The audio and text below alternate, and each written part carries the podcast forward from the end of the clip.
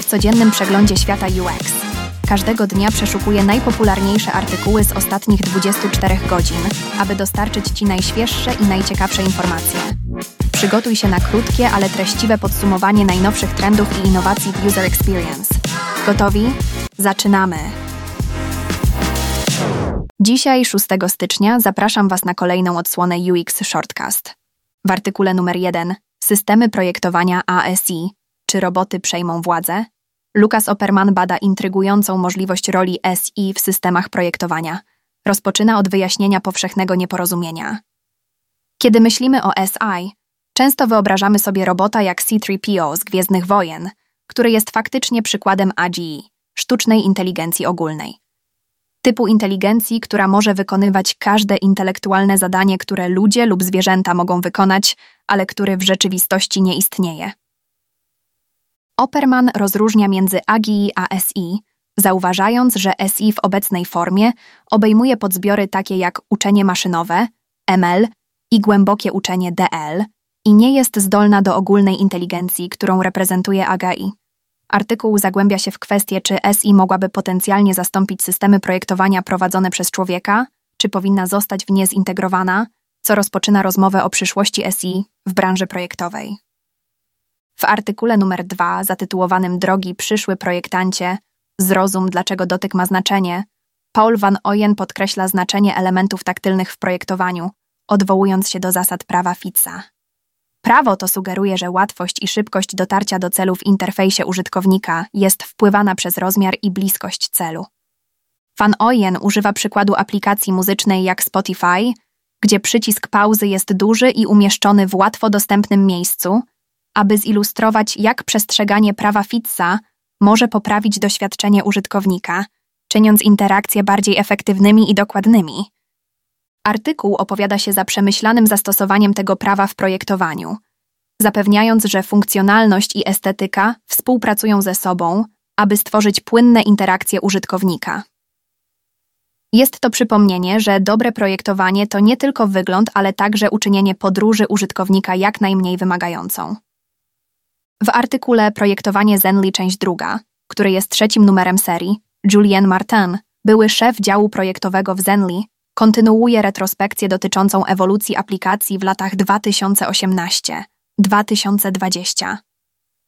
Zagłębia się w drobiazgowy proces projektowania za znakami rozpoznawczymi Zenly, podkreślając zaangażowanie zespołu w dbałość o szczegóły i doświadczenia użytkowników. Funkcje takie jak karty użytkowników POPs i ślady Footprints są wyróżnione za ich innowacyjne podejście do interakcji z użytkownikami i zaangażowania. Martin omawia również wyzwania związane z rebrandingiem Zenly, mającym na celu przyciągnięcie rynków zachodnich bez utraty jego istoty, podróż, która osiągnęła punkt kulminacyjny w postaci przeprojektowania babeczki, Cupcake. Artykuł dalej bada rozwój funkcji skupionych na mapie, które zwiększyły użyteczność aplikacji i radość użytkowników.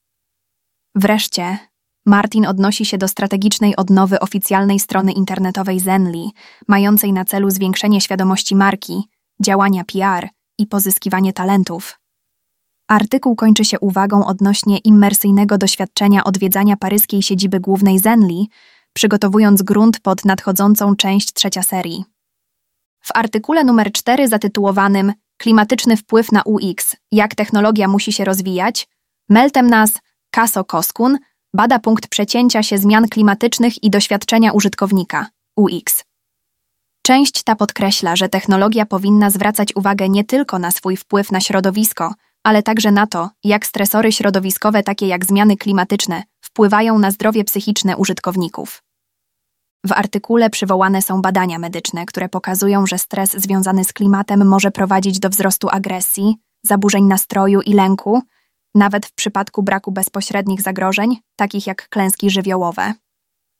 Autor argumentuje za tworzeniem produktów technologicznych, które wspierają dobre samopoczucie psychiczne w obliczu tych wyzwań środowiskowych, sugerując, że społeczność UX ma pewną rolę do odegrania w adresowaniu psychicznych efektów zmian klimatycznych.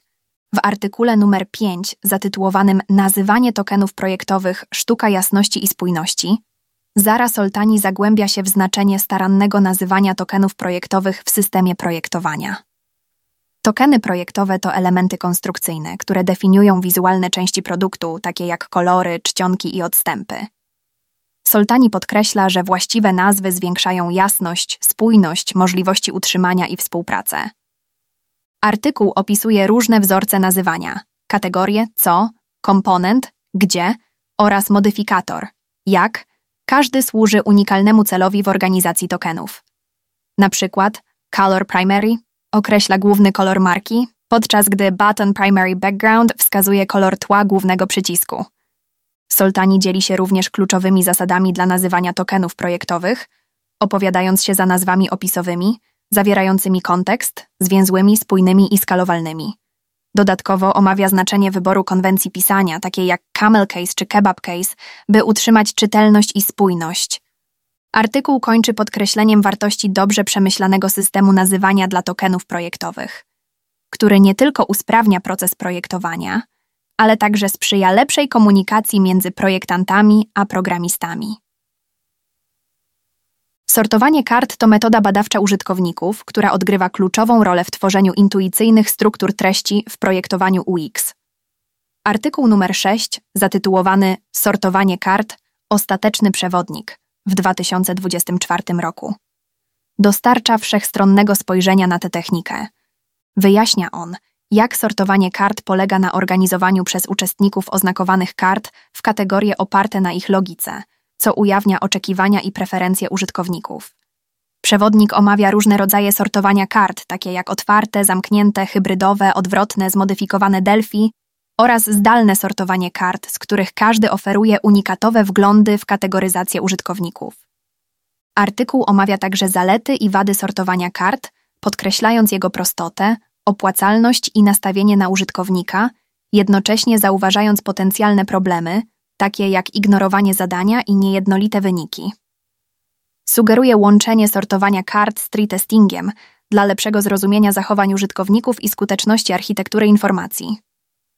Ponadto przewodnik dostarcza praktycznych kroków, jak przeprowadzić sortowanie kart, od ustalania jasnych celów po analizę wyników i oferuje wskazówki dotyczące najlepszych praktyk. Kończy podkreślając wagę sortowania kart w zdobywaniu cennych wglądów w potrzeby użytkowników, pomimo jego ograniczeń, co czyni to badanie preferowaną techniką w projektowaniu UX. Dziękuję za wysłuchanie i zapraszam na kolejną dawkę wiedzy już jutro.